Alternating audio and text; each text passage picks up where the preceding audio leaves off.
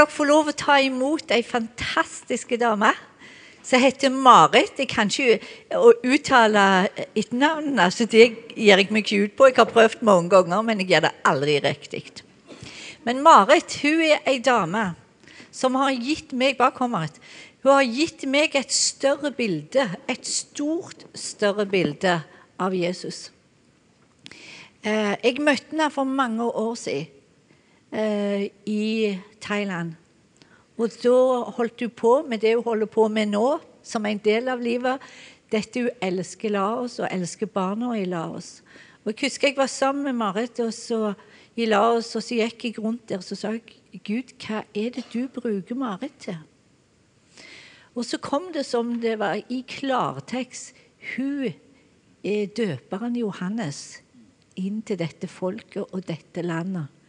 Og det gjorde så sterkt inntrykk på meg, for det hadde Marit i hjertet sitt allerede. Så jeg trenger jo ikke fortelle henne om noe, for hun ligger jo langt foran. Men det gjør ikke farlig. Men jeg fikk en så stor opplevelse hva Jesus kan gjøre når ett menneske sier ja. Så vi var der nede, så var, sa Marit at 'jeg er ingen leder'. Jeg er ingen leder, nei da. Jeg driver et arbeid, jeg. Eh, og både meg og Martin og sammen med Kjartan og de der nede sa vet du hva, hun har potensial. Gud har lagt ned i noe som hun ennå ikke ser. Å, det er helt riktig, for i dag leder hun hele arbeidet vår i Thailand Christian Network. Så hun gjør en fantastisk jobb. Men jeg må bare si det, Marit. For meg er du Jesus sine hender og sin munn og sin måte å være på. Og det er utrolig å se hva Jesus kan gjøre gjennom en som våger å si ja. Og tåre å betale prisen. Og tåre å telle velsignelsene. Nå gleder vi oss så til å høre deg. Da ber jeg. Jesus, jeg takker deg for det at eh, Marit skal bare få lov å være her blant familier. Du skal få lov å slappe av og bare kjenne at det, det du har lagt på hjertet hennes, det skal du bare la flyte. Og vi ber Jesus om at eh, du skal røre våre hjerter etter hennes tale om at vi vil gå med deg, Herre, og våge å tro at du kan alt det som vi ikke kan. For du har planer for ditt folk både i Thailand og Norge. Velsign, beskytt og bare fyll det med din Hellige Ånd. Amen. Vær så god, Mat. Tusen takk for at jeg får lov til å komme hit i dag og fortelle litt fra mitt liv. Um, og det arbeidet som jeg står i, både i Laos og Thailand. Uh, jeg er så utrolig glad for at dere er min menighet i Norge. Og det er så utrolig godt å komme hit hvert eneste år og bare få masse påfyll og få masse oppmuntring, og så bli sendt tilbake igjen. Så tusen hjertelig takk for at eh, jeg får lov til å være en del av denne menigheten her, og at eh, alle dere er fra så hører på meg i dag. Jeg bor eh, i Thailand, og det er faktisk på 17. året. Så hvis det er mulig å få opp et bilde, et lite kart, så bor da i Thailand, helt på grensa til Laos. Laos er det landet til høyre som er gul farge. Eh, jeg jobber da som sagt både for TCN, Thailand Christian Network, og SSL, School Support Laos, i Laos. Så jeg har på mange måter én fot i hvert land. Og jeg trives utrolig godt med det. Jeg ble kjent med familien Sørheim når de bodde eh, flere år i Thailand. Eh, og jobba der som misjonærer. Og eh, nå er det jo da Kjartan, som var frem her i sted, som er min leder. Han eh, leder da TCN fra IMI her. Og jeg er så heldig å få lov til å lede den lokale staben som vi har i Thailand. Eh, litt om meg sjøl, så er jeg gift, og jeg har fem barn. Fem døtre. Så kanskje dere bare reise dere opp. Jeg er så stolt av dere. og Så kjekt at dere er sammen med meg her i dag.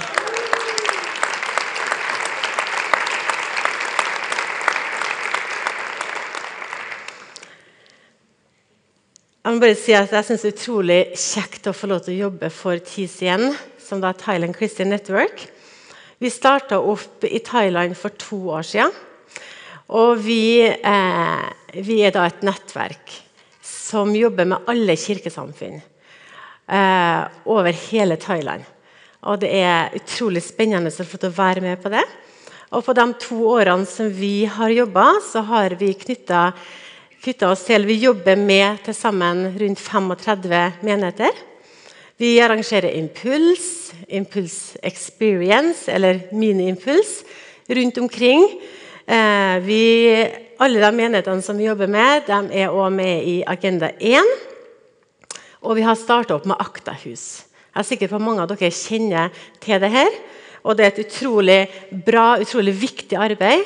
Jeg vet at kollekten i dag skal gå til TIS igjen, så jeg bare oppfordrer nå med en gang eh, om å gi godt til det. fordi eh, jeg tror at Gud har veldig mange store ting på gang i Thailand eh, som er vel verdt å være med oss og støtte.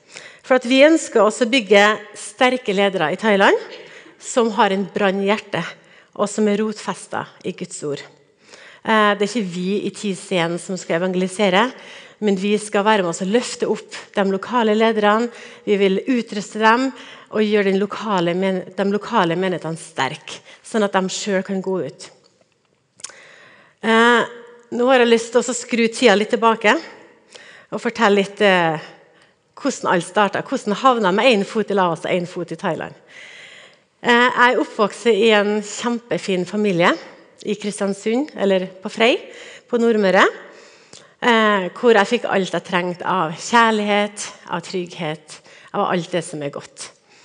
Eh, jeg er, jeg er oppvokst med å synge sanger som 'Løftene kan ikke svikte'. Nei, de står evig fast. Og 'Jesus, her er jeg, send meg'. Det er sanger som jeg har lært meg veldig tidlig. Og Jeg minnes ennå Jeg vet ikke helt hvor gammel jeg var, men jeg var nok rundt ti år. Hvor jeg tenkte litt på fremtida. Åh, så spennende det skal bli å bli voksen og bli stor. Hva, hva, skal jeg gjøre med livet mitt? Og mange som spurte hva vil du bli når du blir stor. Det er jo det store spørsmålet. Og Da husker jeg en gang at jeg var alene. og Da så jeg for meg sjøl at jeg var en gammel bestemor som satt i en gyngestol. For det brukte bestemødrene på den tida. Når jeg var lite. Da satt de i gyngestol. Og da så for meg at jeg satt i gyngestol, og jeg hadde mange barnebarn rundt meg. Og da spurte jeg meg, 'Bestemor, hva har du brukt livet ditt til?' spurte jeg meg. Og da tenkte jeg, hva skal jeg svare dem da? Skal jeg bare svare dem det at eh, ja, jeg gifta meg, jeg fikk barn, og jeg hadde et godt og et trygt liv. Og jeg har gitt alt for familien min. Så det har jeg brukt livet mitt til. Og så kjente jeg bare inni meg noe som skrek nei! Jeg vil ikke svare det. Det må være noe mer enn det. Og eh, dere da så tror jeg bestemte meg for at eh, jeg vil ikke bli en kjedelig kristen. Husker jeg tenkte. Jeg vil ikke bli en kristen som lever et A4-liv som alle vet at eller jeg selv vet at om fem år så er jeg der, om ti år så er jeg sikkert der, om 15 år så er jeg der. Jeg tenkte jeg vel, Det må finnes noe mer enn det. Så Helt fra den gangen så begynte jeg altså å tenke Gud, hva har du for meg? Og Jeg husker at jeg ble tatt med på misjonsmøter fra jeg var liten, hvor det kom misjonærer i fargerike afrikadrakter og fortalte historier fra misjonsmarka i Afrika. Eh, alt, eh, masse spennende som skjedde. Og jeg husker jeg tenkte at eh, å, så heldige de er at Gud har kalt dem. Tenk at Gud har plukka ut akkurat dem og satt dem der. Åh, altså De var noen veldig spesielle personer som har et kall over livet sitt. Så oppover ungdomsårene så, så tenkte jeg ofte på det. Hva har du for meg, Gud? For jeg er jo bare meg. Jeg er jo bare Marit. Jeg er jo ikke spesielt flink til noe som helst. Eh, hva kan du bruke livet mitt til? Eh, og Det var nok en tid som var veldig viktig for meg å bli veldig eh, grunnfesta i Jesus. Jeg har lært hvem Jesus er, jeg har lært og ikke minst hvem jeg er i Jesus. Eh, at det, Gud han elsker meg med så ufattelig stor kjærlighet. Eh, og har lært å bli kjent med Den hellige ånd. Lært meg å høre Den hellige ånds stemme. Så eh, etter hvert så utdanna jeg meg innen eh, reiselivet. Og utrolig kjekt å jobbe på reisebyrå i flere år. Men jeg hadde fortsatt en sånn bønn i hjertet. Er det ikke noe mer enn det her? Jeg hadde en fantastisk jobb. Jeg reiste masse, kjempebillig. Jeg fikk se verden. og eh, jeg hadde, jeg hadde, en familie som var glad i meg. Uh, ja, jeg hadde venner, jeg hadde egentlig alt jeg trengte. Jeg satt i en trygg båt og hadde egentlig helt topp. Allikevel så kjente jeg at ja, men finnes det ikke noe mer enn det her, Gud.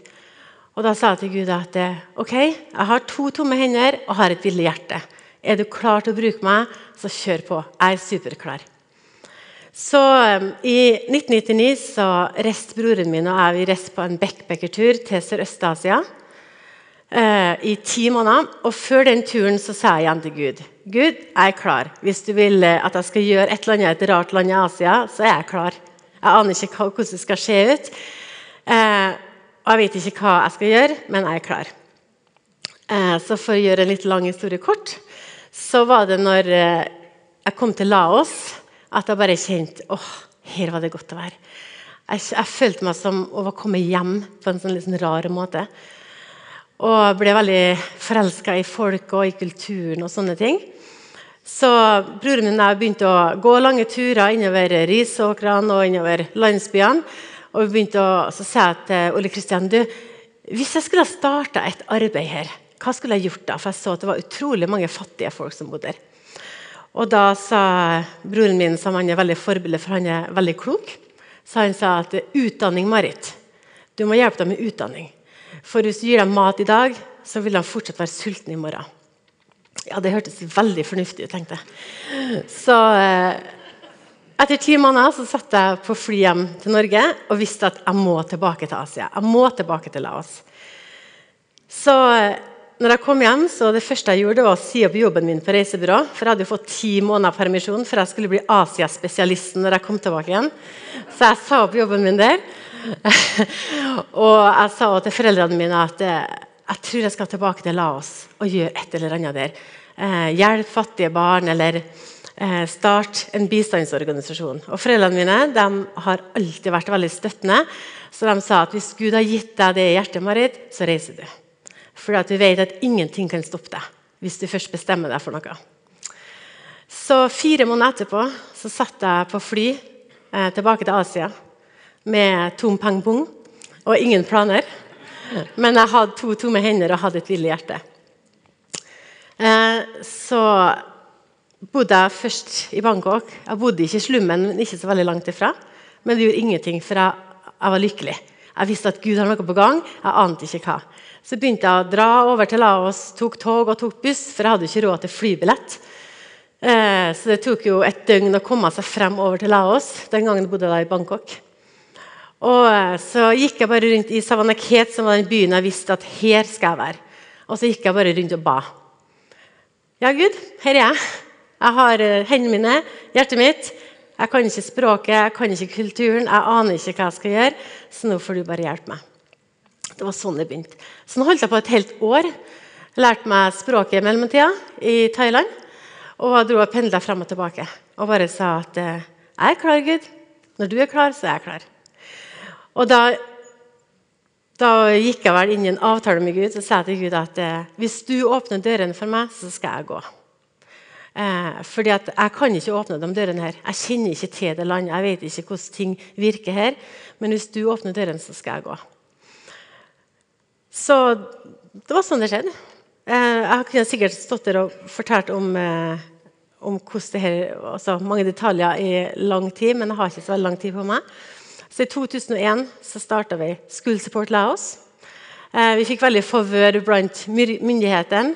Eh, jeg bare opp, så det at dørene bare åpna seg på helt utrolige måter som jeg ikke hadde sett for meg i det hele tatt. Eh, I begynnelsen så bodde vi i mellomtida og gifta meg da, med en thai. Han var min faste motorsykkelsjåfør i Bangkok. og vi dro og pendla over til Laos. Eh, Ingeborg Anna, kan ikke bare reise litt opp? Ingeborg Anna var da baby. Vi bodde i Bangkok, og vi dro med buss og tog. Vi hadde svære ryggsekker bakpå ryggene. Og Ingeborg Anna i babybjørnsele foran. Og vi dro til Laos hver eneste måned og jobba med å dele ut, delte ut skolepakker til fattige skolebarn, sånn at de skulle få muligheten til å gå på skolen. Vi starta med 25 barn. Vi er nå oppe i over 600. Men eh, den gangen så, så, var det, det var slitsomt. Det var ikke en dans på rosa i det hele tatt. Eh, det kosta, men det var virkelig verdt det.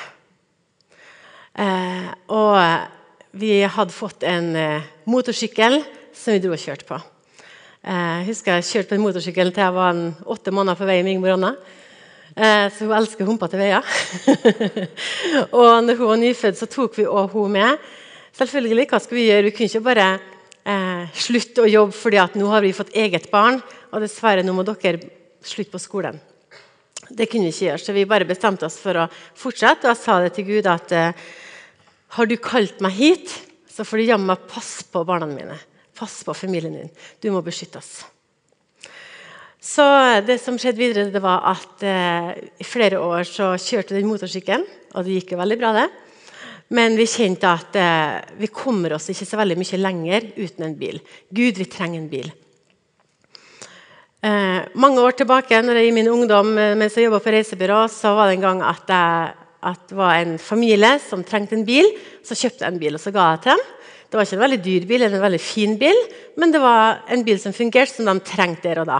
Og da husker jeg hun dama, hun mora hun sa det at eh, Gud kommer til å velsigne deg. Fordi at eh, Gud kommer til å gi deg hundrefold tilbake igjen. Så fra den gangen så visste jeg at det må være en bil langt ute der en plass. Så etter noen år med motorsykkel og med Ingeborg Anna på, på motorsykkelen langt innover i landsbygda, så kjente jeg at nå må tida være inn for en bil. Mannen min han var ikke frelst ennå da, så jeg sa bare da at ja, men nå tror jeg tida er inn for at Gud skal gi oss den bilen. Og Jeg fortalte den historien, og han eh, var veldig negativ til det. Hvem er det som kommer til å gi oss en bil? I så fall så blir det sikkert en gammel gammel bil som ikke vi kan bruke. La oss. Nei, sier jeg, vi kommer til å få den bilen vi trenger.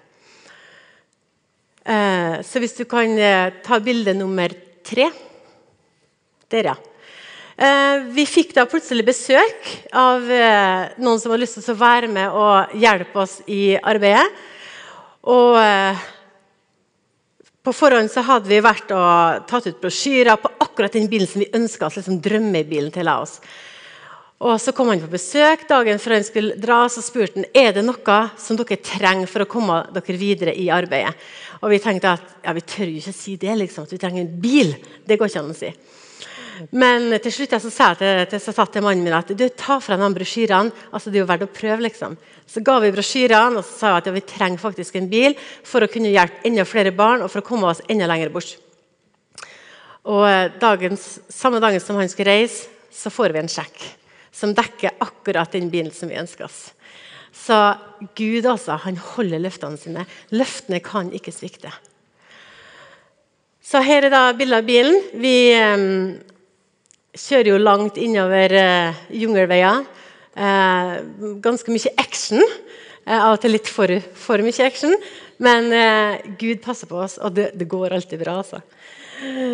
Og så skal jeg bare fortelle om én historie. Jeg har så mange historier, men jeg har ikke mulighet til å fortelle alle. Men jeg må fortelle én historie. Fordi det var en gang at Maria Tveten, Laila Helvik som sitter og jeg, vi skulle ha en bønnedag i Muktahan. Mens eh, vi hadde et team som satt mannen min og flere av dem var på team i Laos. De skulle, eh, de skulle ut for å jobbe eh, langt inn i jungelen og dele ut skolepakker. Og så mens vi ber, så sier plutselig Laila Marit, jeg tror jeg har fått et bilde. sier hun. Oi, så spennende, Laila. Hva, hva er det bildet?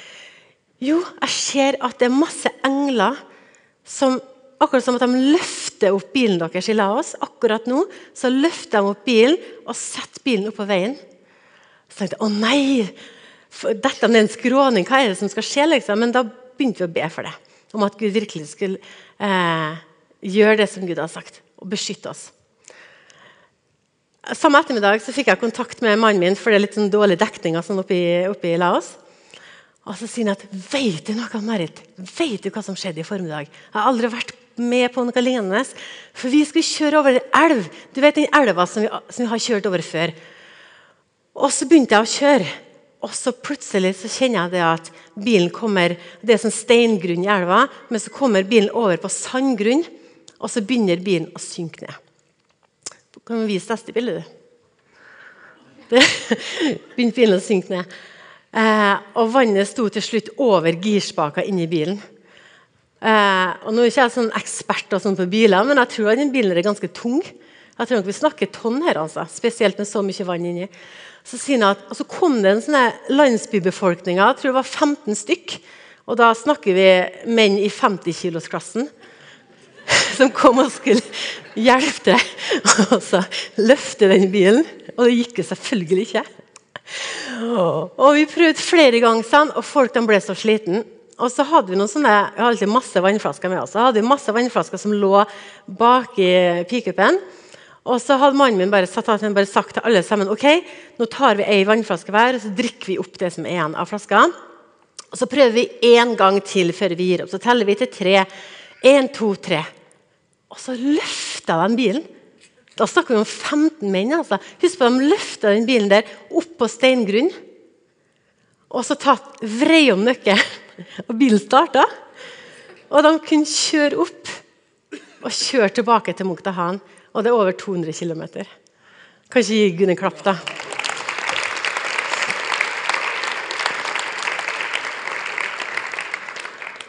Og Da har jeg lyst til å lese fra en av mine yndlingsbibelvers.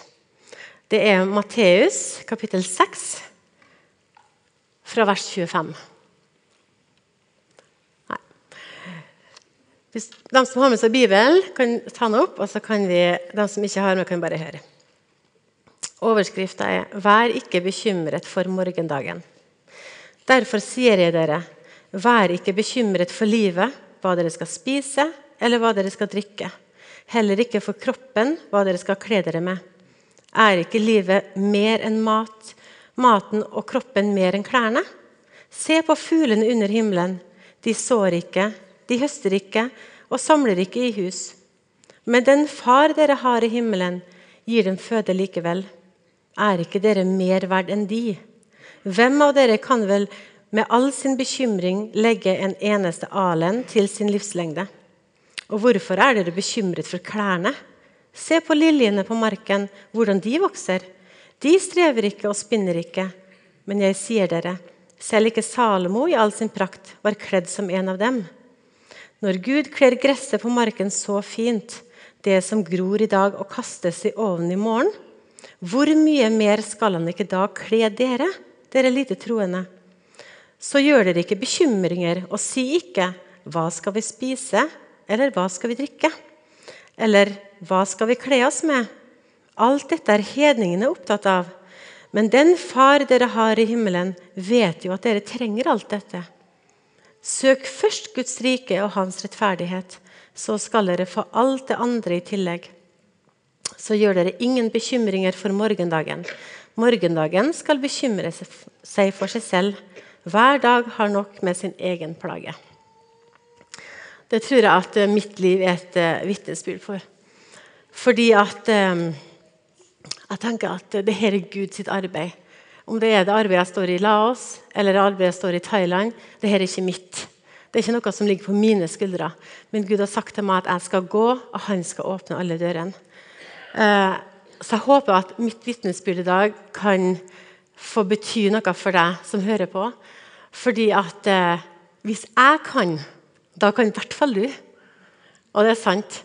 Fordi at eh, altså, i meg sjøl er virkelig et bevis på at Gud kan bruke oss. Selv om vi tror sjøl at ja, men jeg er jo ingen, jeg har jo ikke noe spesielt over mitt liv. Jeg er ikke en spesiell person. Nei, men kanskje nettopp derfor så kan Gud bruke det. Fordi at du sier da at ja, men kan du ta mine to tomme hender, Gud? Kan du ta mitt ville hjerte? Men det som vi må gjøre, det er at vi må ta det første steget. Vi må gå ut av den trygge båten som vi sitter i. Vi må si det til Jesus at nå er jeg klar til å gå på vannet. Og Jesus han skal holde hånda vår hele tida. Eh, og det er så utrolig viktig det å, å være tro i det små. For jeg kunne ikke begynt her. Det ble helt umulig. Jeg måtte ta de små stegene først. Eh, bli kjent med Den hellige ånd. Den hellige ånd hvisker ting i hjertet, tore å gå på det. Eh, og etter hvert så, så vil en bli mer sikker. Jeg tror nok Det at det, det er ikke for Guds skyld, men det var for min skyld at jeg måtte begynne det små. Hvis ikke så hadde det blitt altfor for overveldende. Eh, så det jeg skal avslutte litt med, det er at jeg tenker at eh, Bibelen er jo full av Guds løfter. Gud har så utrolig mange løfter for oss. Men tør vi å stole på dem? Og så som jeg har tenkt ofte ja, men Tenk om alle løftene her er sanne? Tenk om det er riktig? Ja, nettopp det. Det er det som er så Hvis vi tør å gå på det. Hvis vi tør å ta det første steget. Fordi at eh, Jeg tror at Gud har gitt oss drømmer, Gud har gitt oss visjoner. Men ofte fordi at eh, vi har en komfortsone, så tør vi kanskje ikke å gå ut i det. Men eh, jeg vil bare oppfordre her i dag til å bare ta et steg frem ut av komfortsona og si at eh, Gud, her er jeg. Eh, hva vil du bruke meg til? Kanskje du står allerede i en tjeneste, eller, eh, men også bare ta nye steg. Å gå på vannet det er ikke så veldig skummelt. Eh, en kan alltid begynne å gå i fjæra, for da detter en ikke så langt. det gjorde iallfall jeg. Jeg begynte med de små stegene. Begynte å gå på vannet i fjæra. Og da var det så lett å bare kunne se på Jesus, fokusere på Jesus, holde handa til Jesus hele tida. For Jesus er med oss uansett. Eh, for ingenting er umulig for Gud. Eh, det er bare Er vi villige til å betale det det koster? Er vi villige til å ta det steget eller de stegene?